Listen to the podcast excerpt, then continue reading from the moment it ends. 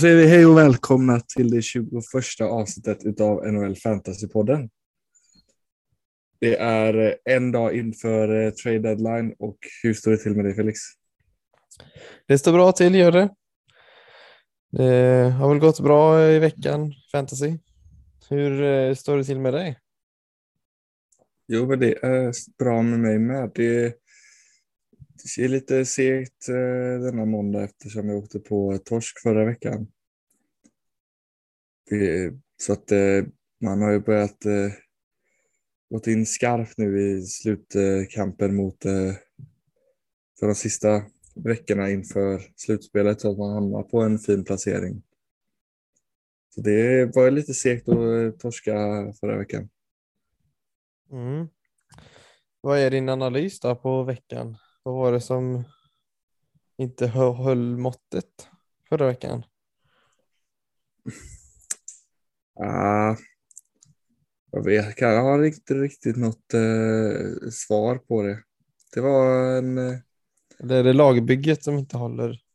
Ja, men det var väl bara en lite sämre prestation av hela laget. Liksom. Det var inte svårare än så. Men jag är ändå nöjd. Jag gjorde ändå bra goalie pickups. Så, ja, men jag var ändå. Jag förlorade ju med eh, 19 poäng så det var inte så. Det var inte jättemycket.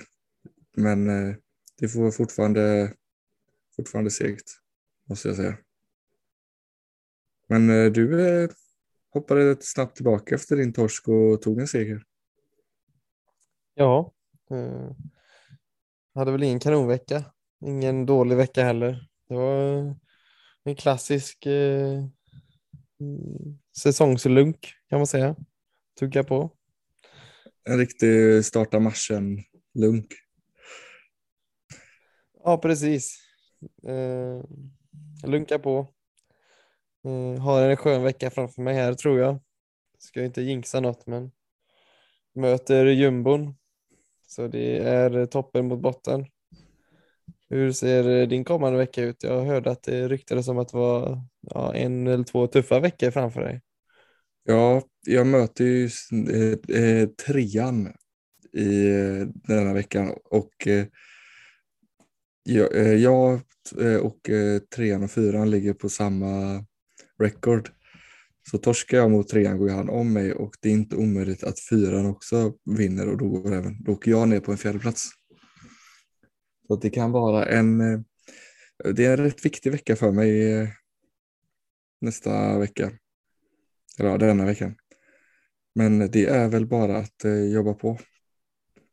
Att börjat, man får ju titta nu rejält vilka pickar som är så man inte gör några misstag utan man sätter dem fint.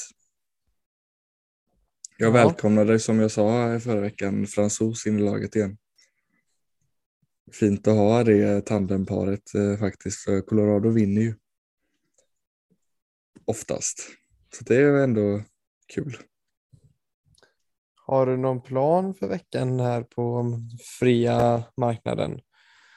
Nu när det kommer tajta till sig runt, eh, runt i din tabellsituation?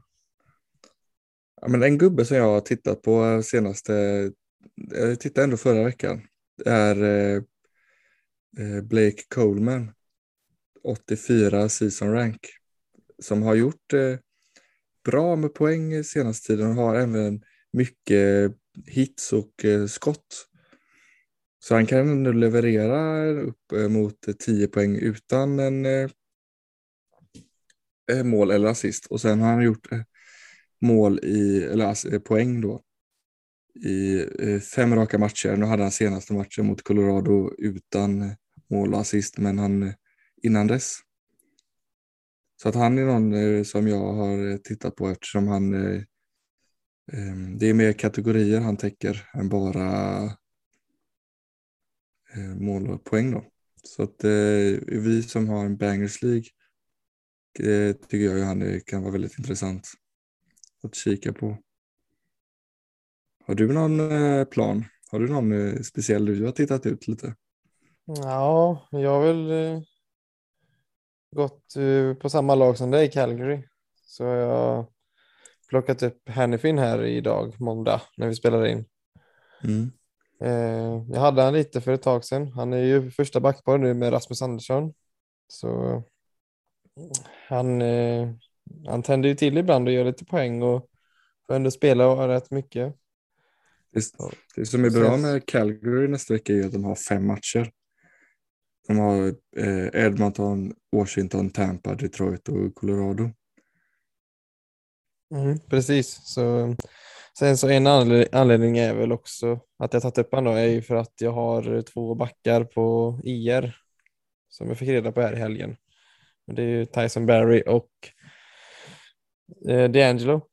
Så mm. jag behöver ju någon som, i alla fall en back nu, som jag behöver sitta på i alla fall den här veckan, som eh, kan täcka upp lite. Eh, annars kanske jag inte hade tagit upp Noah Hannifin utan gått på målvakt eller forwards. Men nu behöver jag någon och Calgary går ju fortfarande bra och Hannifin har fått komma in lite andra powerplay och första backpar så jag kommer lägga mina kort på han här eh, i veckan. Hoppas mm. Eh, att han inte går minus i alla fall. Då fyller han ändå något form av syfte. Ja, men eh, lite, han, de går ju ändå väldigt bra Calgary, som vi har sagt. Så det är väldigt bra, speciellt nu när de hade så många matcher. Så är det ändå chans till mer poäng. Ja, precis. Och speciellt plus minusen som får sin liten boost.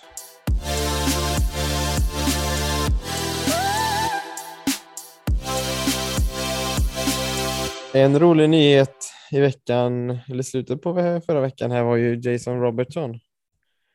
Han hade ju en kanonvecka och speciellt två matcher. Back-to-back hattrick. Vad säger vi om det?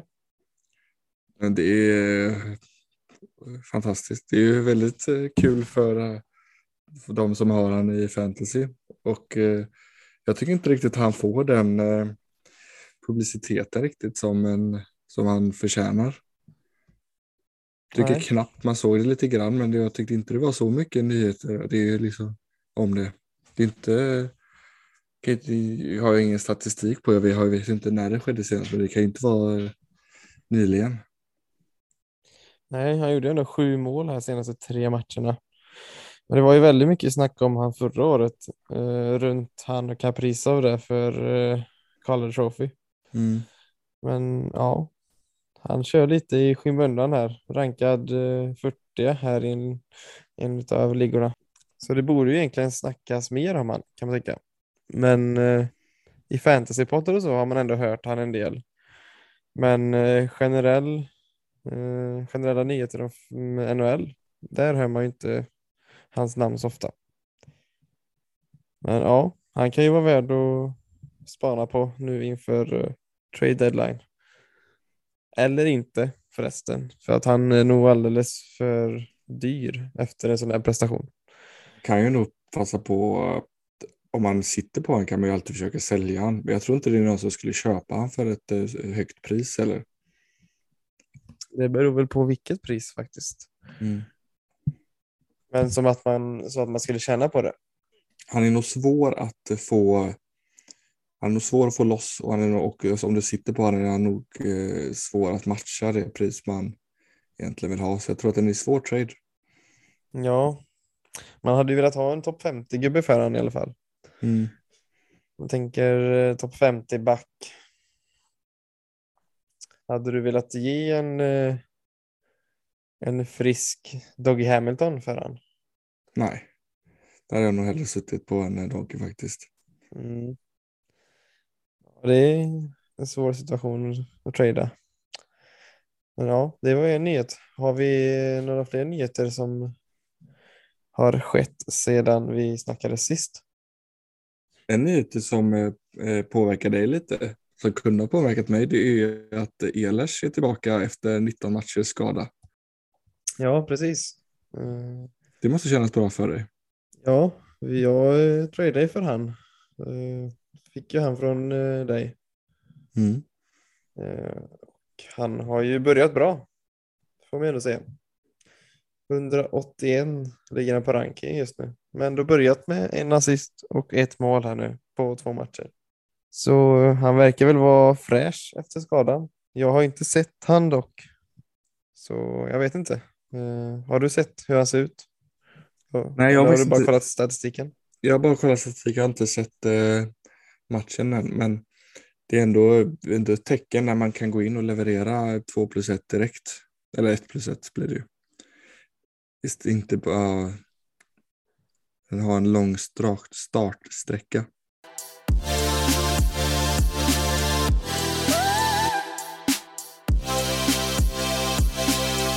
Eftersom eh, trade deadline är imorgon på fantasy så tänkte vi att det kunde ändå vara lite relevant att titta på eh, TSNs trade bait list för att se eh, om det kan vara någon spelare eh, som byter lag som där värdet är kan gå ner eller upp om de blir tradade.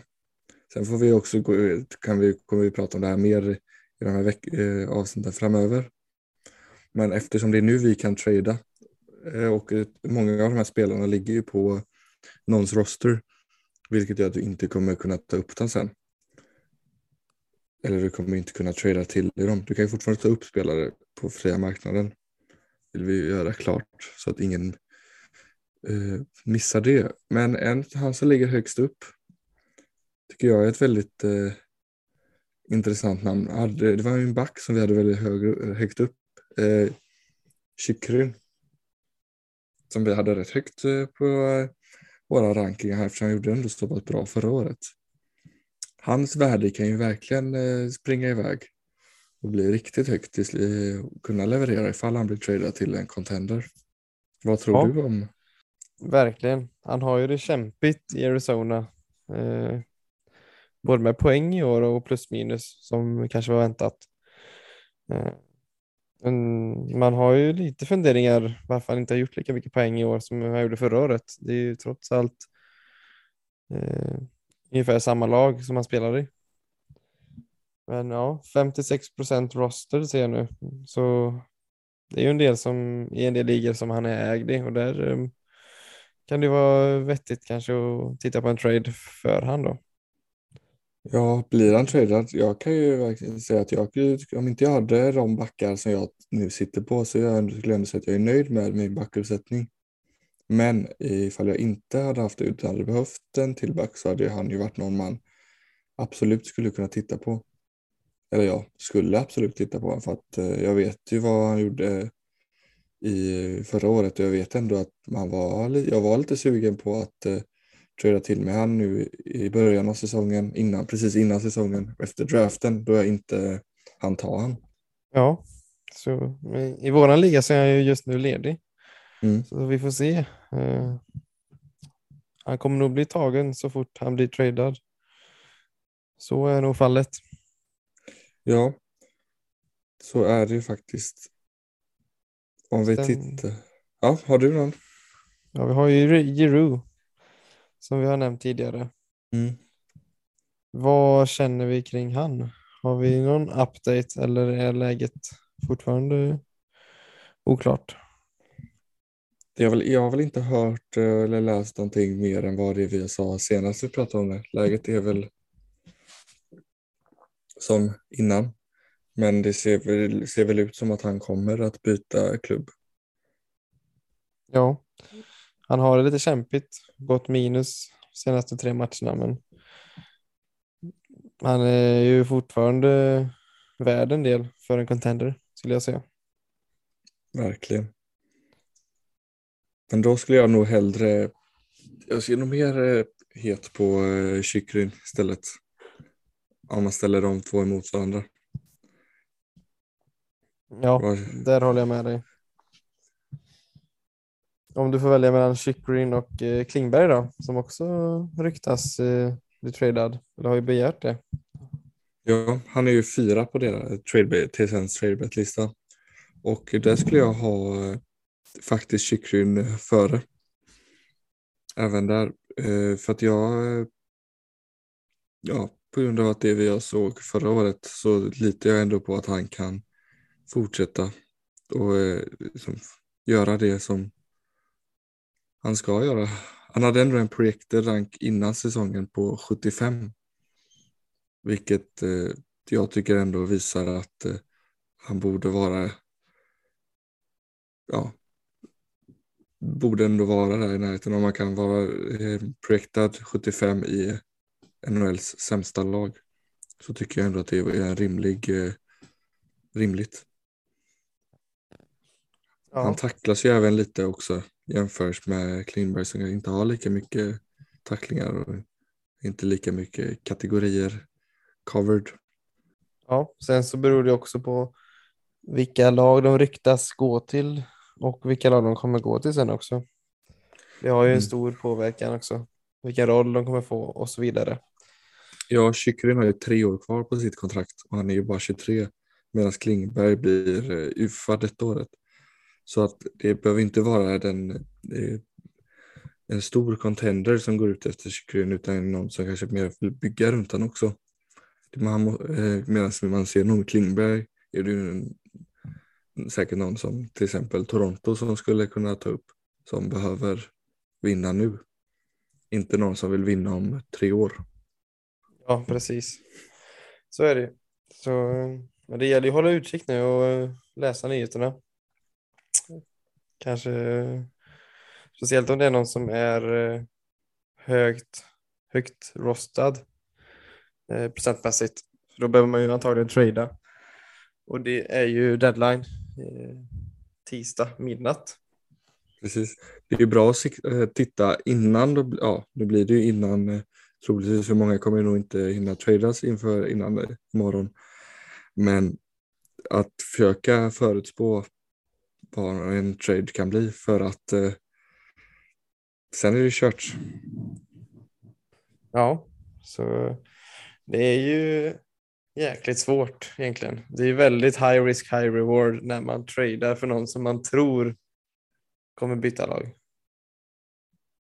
Ja, så fort jag såg eh, nyheterna med Klingberg så var jag faktiskt lite på eh, han som sitter i Klingberg med vår liga och försökte få till en trade och det har ju inte blivit något än.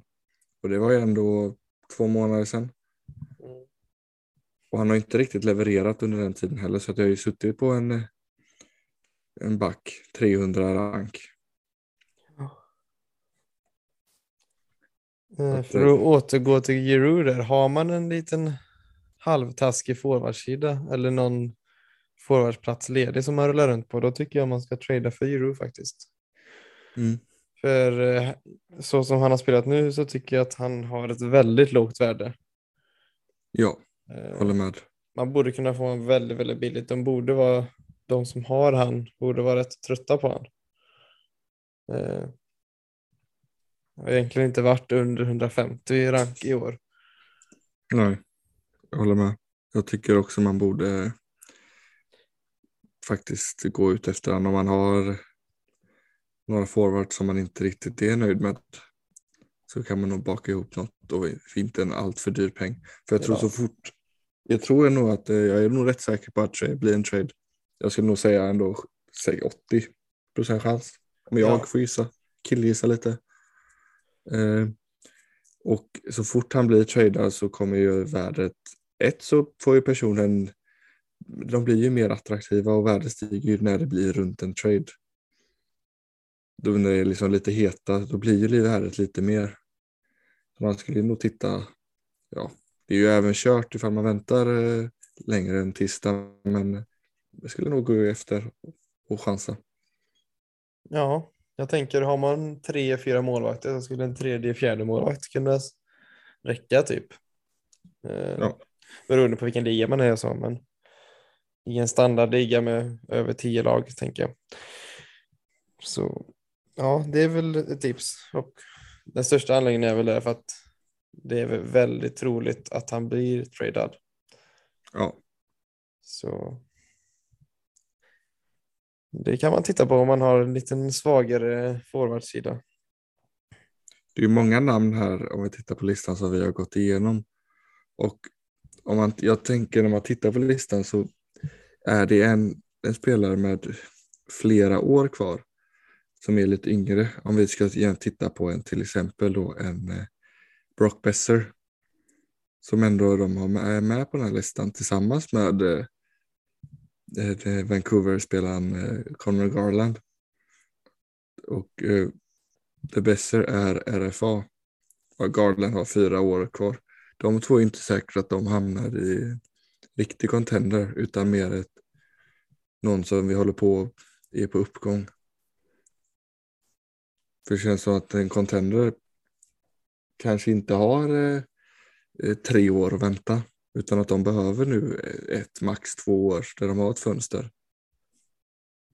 Ja, det blir nog för dyrt att trada dem med ett sånt långt kontrakt. Eh, de kostar ju mer. Beroende på hur kontraktet ser ut också, men det är väl ganska rimliga kontrakt på Besser och Garland också, tycker jag. Ja, de, ja. Besser 5,8, men han blir RFA efter detta året och Garland eh, 4,95. Mm. Men de har ju deras lagkompis i JT Miller som eh, ryktas bli tradad som blir UFA efter ett året. Som jag då sitter på efter eh, lite trades som har varit väldigt bra. Han är rankad nia just nu. Behåll, han eh, Svärde tror jag också flyger iväg lite nu ifall han skulle bli tradad. För det är ju inte omöjligt. Ja, precis. Jag förstår inte riktigt vad Vancouver tänker just nu, men, eller vad de har för plan.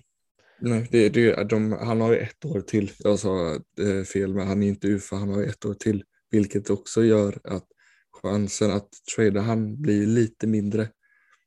Men det är också, han är också värd mer nu eftersom han sitter på ett år till. Mm. Så de kan ju få mer för han nu än de får i sommar för då har ju laget två slutspel med honom. Ja. Och jag vet inte, eh, det är ju problemet med att de kan inte förhandla ett kontrakt med honom förrän eh, första juli.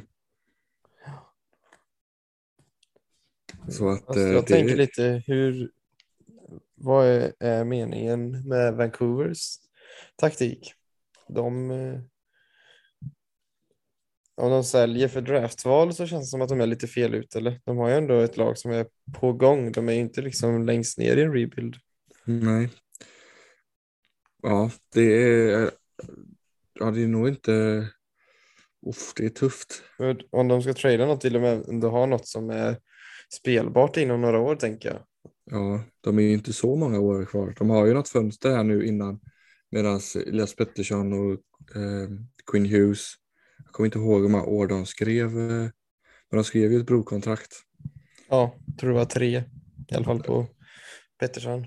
Mm. Så de vill ju nog ändå kunna utmana innan eh, de kommer behöva nya kontrakt igen. Mm. Och då tänker jag, vad ska Vancouver, om de ska trada till en contender, om vi tänker att Miller och Besser ska gå till contender, kommer en contender vilja ge upp en spelare som är liksom ska nå sin prime om något år här och ändå är en NHL-spelare? Nej, det är troligtvis inte. Nej, för det är ingen solklar liksom eh, contender versus en bottenklubb trade som kommer ske riktigt känns det som. Det är inte riktigt eh, Eichel till Vegas som vi tittar på. Nej, precis. Ja, den är klurig. Den är, det är eh, svårt. Men det är tur att vi inte sitter i de eh, stolarna då. Mm. Frågan är om du ska trada Miller nu när han är het ifall han kommer till en sämre situation. Jag kommer inte att trada Miller om jag inte får ett bra bud såklart. Men jag, ja, jag, han har levererat bra och jag tror inte han kommer komma till en eh, sämre, eh, ett sämre lag. Det han har gjort bra trots att Besser och Elias varit, eh, inte alls varit bra detta året. Om jag, om jag, sen om jag tittar, om man tittar på längre ner med så är ju Mark André Fleury. Och det, han har ju vi pratat om eh, flera gånger och har väl sagt att vi tänk, hopp, äh, tror tänk, ja, det ser ju mest logiskt ut om han skulle gå till eh, Edmonton. Och det tycker jag att eh, ändå hålla ögonen, kolla nu sista dygnet om han får upp lite nyheter om det för att eh, han ju, har ju bara ett år kvar, eller detta är ju hans sista år och han kommer ju troligtvis bli tradad. skulle säga till 95 procent chans att han blir tradad. Och då kommer han ju gå till troligtvis några som har chans. Så att eh, skulle han gå till ett Edmonton och nu när de jagar slutspel och har ändå chansen får jag ändå säga, de har ändå börjat komma upp lite nu i slutet. Så eh, om han får en trade med Fleury så tror jag han kan få en del vinster nu i slutet jämfört med när han fått i Chicago. Och han har gjort det, jag tycker ändå han har gjort det väldigt bra i Chicago trots att inte laget spelat eh, alls eh, så bra. Tror du att eh, Flurry till Edmonton är rimligt eller har du något annat som du? Ja, mina tankar är väl att Flurry till Edmonton skulle vara perfekt för eh, alla, eller båda parterna egentligen. Eh, det som jag tänker på är bara att jag såg någon nyhet här i flödet att eh, om Flurry att han ville stanna och inte flytta runt familjen och mer. Men han sa även att ifall det blir en trade så är det någonstans där han eh, kan vinna, inget annat. Eh, så frågan är om han i så fall kommer flytta familjen en gång till om han vill gå eller om han tror på Edmonton. Eh, det, det hade jag faktiskt helt ärligt missat den nyheten. Men det är inte, han har ju ändå fått flytta runt familjen nu flera gånger och jag vet att det var inte ens säkert att han skulle spela i Chicago detta året. Han hade inte riktigt bestämt i somras ens om han skulle fortsätta. Nej, och sen så Edmonton har ju inte gått som en kanon i år direkt. De kommer ju vara contender ändå. Kanske i år och de kommande åren. De har ju ändå två av världens bästa spelare. Men det är ju liksom inte solklar Florida, Colorado eller Vegas liksom. Nej, de kanske är... mer vill bygga på en lite mer långsiktig lösning. Ja. Någon till som... Om han säger att han liksom måste ha en chans att vinna i laget. Det har han ju Edmonton, men är det sån stor chans som han kräver för att bli tradad eller för att liksom godkänna en trade? Jag vet inte riktigt hur han har med klausuler och sånt? No move-klausul? Uh, han har elva lag, jag tror jag är rätt säker på att han har. Han har inte full, men han har, ja, jag skulle säga elva på, om jag skulle på studs bara. Kan vara lite ja. fel. Då är väl ändå Edmonton eh, men, då, kommer, äh, då väljer jag väl inte bort Edmonton då eftersom de är ändå bland de elva eller vad blir mm, det? Men jag tror att... De 17 bästa? Jag tror att jag läste, han tackade ju nej till en trade till Washington läste jag. Och jag tror att eh, en sak som var, för eh, kontraktet skrevs ju när han var i Vegas. Det skrevs ju inte i Chicago, så jag tror att en av anledningarna till att han även fortsatte detta året och att han kom överens med Chicago om att han skulle ändå få välja vart om han inte ville gå någonstans. Så jag tror att han kan... Så egentligen nästan en full no move-klausul då? Jag tror jag skulle säga att eh, jag är rätt säker på att eh, det var något sånt överenskommelse de hade internt. Ja, det känns nog också som att om de bryter det så kommer nog han kanske lägga, lägga ner ändå. Ja. Och då kommer inte den klubben som han tradar med vilja göra den traden. Nej. För de snackar nog rätt mycket med Fleury också, de som ska ta emot han. Ja, det med, gör de även, jag har, man har även sett eh, lite rykten till eh, eh, Colorado och det är ju en riktig contender. Ja. Men där ser jag, de gav ändå upp mycket för Kemper. Kan kanske inte ha varit den stjärnan som man, man verkligen trodde han skulle vara detta året. Men jag vet inte, jag tycker inte riktigt. Jag tycker de har det bra med Kemper och fransos. Men det är ju det målvaktsförbannelse eh, över deras eh, målvakter i slutspel. Så ja, man, de kanske behöver sitta på tre keeprar. Tre bra NHL-keeprar. För det var ju i bubblan hade de väl, var det inte två deras eh, skadade inte sig två, deras två första målvakter. Ja, jag kommer inte riktigt ihåg, men eh, något sånt tror jag det var. Så de är ju också eh, kanske ute efter. Annars eh, får jag ju också sett lite att eh, Samsonov eh, ska ändå eh, Edmonton eh, vara lite efter, eller skulle passa in i Edmonton har man väl läst. Vet jag inte om det är något officiellt att de har gått ut efter honom. Även någon, en sån som eh, eh, Georgiev som har blivit en klar tvåa. Det kan också vara intressant för ett Edmonton att satsa långsiktigt. Både eh, eh Samsonov och eh, Sorokin är ju, de är ändå relativt unga. Eller ja, de är unga, 25-26. Så de eh, har ju lång karriär kvar. Georgiev och Samsonov. Ja, det är väl, eh, det känns inte som att Washington kommer släppa Samsonov nu innan deadline. De är ändå med slutspelsracet. Eller ligger bra till för att nå slutspel ganska lugnt. Jag tror de vågar nog inte köra på bara Vanecek i ett slutspel. Nej, man behöver ändå kunna, alltså en skada så är det ju kört sen. Ja, och jag tror inte de, det är ingen idé att göra någon halvsatsning heller när man har Bäckström och Ovechkin signade på kontrakt här nu och de blir ju inte bättre direkt. Nej, nej, det kanske är lite dumt att göra det nu. Det kanske är mer en sommartrade. Ja. Om de kan få in en, någon backup på fria marknaden istället. Ja. Sen tycker jag Georgiev tycker jag inte eh, håller riktigt måttet om jag skulle titta på en trade till Edmonton. Där hade jag hellre sett att de tradar, eller tradar för en riktig första målvakt mm. istället för, för Smith och Koskinen-varianten. Eh, Georgiev ser jag som en 1B i, i bästa fall. Eh, så den tycker jag inte de ska göra. Eh, nu har jag hellre Koskinen som andra målvakt där bakom Smith. Mm. Jo, men jag, ja. Vi får väl helt enkelt eh, se.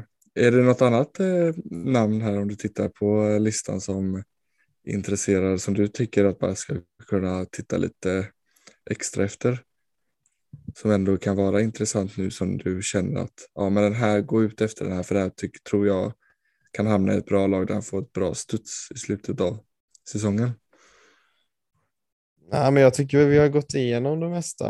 Eh, det var väl som jag nämnde tidigare att eh, Giroud är ju intressant på grund av att han är väl så billig just nu. Mm. Eh, och sannolikheten till trade också är ett bra argument. Sen är ju Chychrun väldigt intressant. Det är ju för att man blir lite förtrollad av hans eh, föregående säsong där han kunde göra så mycket poäng i ett sånt eh, sketlag får man ändå säga. Mm. Eh, så det är väl de. Eh, jag tycker att så länge ner man kommer på tradebait-listan så blir det eh, lite mer högoddsare till trades skulle jag säga. Det är mycket, längre ner är det ju mycket utfyllnadsspelare mer. Ja, det känns som väldigt Eh, vilda gissningar. Så jag tycker inte de är så relevanta för att trada för riktigt kanske. Ett intressant namn, det är inte jätteintressant det är för eh, fantasy men eh, för mig som Chicago-fan, det är ju Brandon Hagel som är 24. Jag har ändå tyckt att han, han har ändå levererat bra och kan vara en bra fantasyspelare. Han smäller på mycket, han gör ändå mycket mål. Kan han hamna i ett eh, lag som Toronto eller, han är ju billig, Toronto eller eh, Colorado, så tror jag att, nu är han ingen du tradar för, för han troligtvis är ju inte tagen. Men eh, att hålla ögonen lite öppna på han och kunna vara snabb med att ta upp han, för jag tror faktiskt att han kan leverera nu i slutet. Om man blir tradad. Skulle inte ta upp honom ifall, ifall han spelar kvar i Chicago. För jag tror att de inte kommer gå för, att, gå för det riktigt utan kommer mer sälja av. Ja, han är ju 3% roster så han finns nog ledig att plocka upp om eh, han blir tradad. Men då får man vara alert som du säger. Men då, beror- det beror helt på vad en, eh, man, man kanske till och med behöver kolla lite vad han får spela första matchen när han blir tradad. Men han är en eh, lite, jag skulle säga en liknande till Blake Coleman. Smäller på mycket men han gör eh, lite mer mål. Jag skulle säga att han har lite högre uppsida, lite högre potential. Jag vet inte riktigt om jag håller med om potentialen men det luktar lite Chicago bias men eh, vi får se. Give or take 10 procent. Men ja, sen har vi ju gått igenom, det är många namn här som vi har pratat om tidigare i nyheter. Raquel har vi pratat en del om. Så att det, mm, det blir intressant att följa faktiskt. Thomas Hörtel. Intressant tycker jag ändå. Han har ändå gjort det bra hittills. Och jag vet lag som är ute efter en center. Kan ju titta på så han kan ju också vara intressant att eh, trada till för han tror jag inte att det är ledig. Nej, där måste man ju trada. Men ja. En liten streaky spelare men eh, väldigt bra. Han är ju faktiskt eh, 87 rankad just nu när vi spelar in. Så att eh, ja, blir han tradad till en eh, bra klubb så kan han ju ändå leverera, tror jag. Så att han är, tycker jag också även intressant att titta på. Han har nog inte så högt eh, pris. Han är ju en eh, runt 100 gubbe så att han är väl typ samma. Ett rimligt pris liksom. Jag tror inte man behöver göra något överpris.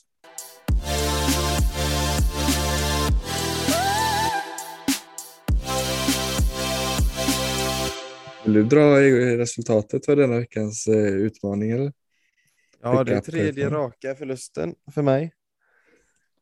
Vi har Faraby, fyra matcher.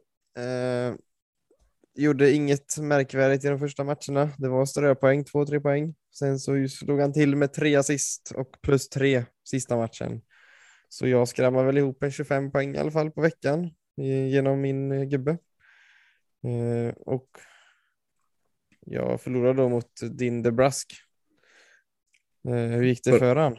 Börjar med att hänga 3 plus 1 i deras 7-0 vinst mot LA och sen avsluta veckan med ett mål mot Columbus. Så att eh, ja, det gick bra för mig tack. En bra pickup. Han skulle du streamat i veckan. Han skulle man eh, absolut eh, streama till veckan. Men ja, min forwardsida är ju full så att jag höll ju på den tyvärr. Då går vi, hoppar vi väl liksom rätt in på nästa vecka. Vad är det du har eh, tänkt att eh, ta spela med? Vem är din eh, pickup of the week? Jag kommer att gå på Rickard Rakell faktiskt. 14 procent rostered. Eh, gjort poäng i de tre senaste matcherna. Mm. Har ett eh, okej schema. Chicago, Nashville, eh, New Jersey. De kommande tre matcherna här i veckan. Mm, det, var ett, det, Ett var det var faktiskt han jag hade tänkt att välja också. Men då går jag på mitt eh, eh, andra val. Kirby Dack. Jag har haft en tuff tid nu lite senaste men jag tror att eh, denna veckan är hans vecka. 10% rostered. Anaheim, Boston, Ottawa. Starkt, jag tror på det. Hur har det 77. gått för han det senaste? Eh, Han gick minus tre, minus fem fantasypoäng förra matchen. Så jag tror att han tar tillbaka. Ja, men helt rätt tänk faktiskt. Bounceback-vecka för Kirby Deck. Hoppas vi Ja. på. Ja, det blir en eh, forwardsmatch denna vecka nu igen. Blir det. Eh, Ja, hoppas att eh, jag kan ta första vinsten här. Och det är ju hade- pinsamt hade- annars. Ja, lite. Jag satt också, om, någon, om man vill titta på mer pickups än bara de här två, Då skulle jag kunna titta ut efter Erik Haula också. Som bara är 9% rostered. Men gjort eh, poäng i de sex senaste. Och jag har även haft eh, flera flerpoängsmatcher så han ligger ju över point per game. De senaste matcherna. Mhm. Ja, sex Se. raka poängmatcher. Ja precis. Sex poäng på de senaste. Äh, åtta poäng på de senaste sex matcherna ska det vara. Men eh, nej, jag går på eh, Kirby. Mm. Jag tror han har ett Inte hattrick. överraskad. Jag tror han har ett hattrick i sig. Ja. Eh, ja, vi får hoppas att han inte har det. Annars lägger vi ner den här challengen. Vad är färdigt där? Först en till fyra vinster. Men eh, Ja, har du något väl- mer att komma med? Nej, det har jag faktiskt inte. Jag eh, känner mig färdig nu. Jag tycker ändå vi har gått igenom bra. Det är ju svårt att sitta och eh, för, alltså, ja, att för, säga vad ni ska trada. Ni får ju helt enkelt titta vad ni behöver. Ändå, jag tycker ändå vi har gått igenom lite vad vi, de mest relevanta namnen som, där värdet kan eh, för, antingen höjas eller sänkas. Annars ligger ju de andra på ett, ändå ett stabilt värde, tycker jag. Så man vet ungefär hur man har dem. Men det kan ju faktiskt vara bra att gå ut och kanske chansa lite. Ja, speciellt om man ligger i ett tajt läge kanske runt ett streck. Då behöver man ändå förändra något så att man sticker ut lite och kanske tar någon extra vinst. Ja, speciellt om man har överflöd på en position, för det är väldigt dumt att behöva sätta bänka spelare som spelar matcher och ha de poängen brinnande inne. Det, det är ett litet rookie-misstag och det kan ju verkligen göra så att man torskar en vecka. Men eh, ja. tänk på det, att eh, man får ändå ha ett bra fördelat lag så att man inte behöver bänka dem. Men sen får man ju alltid göra det ändå. För alla spelar ju oftast, ibland spelar ju alla lag ändå. Men det var allting som vi hade för det 21 avsnittet av NHL Fantasypodden. Jajamän, njut och må väl. Tack för att ni lyssnat.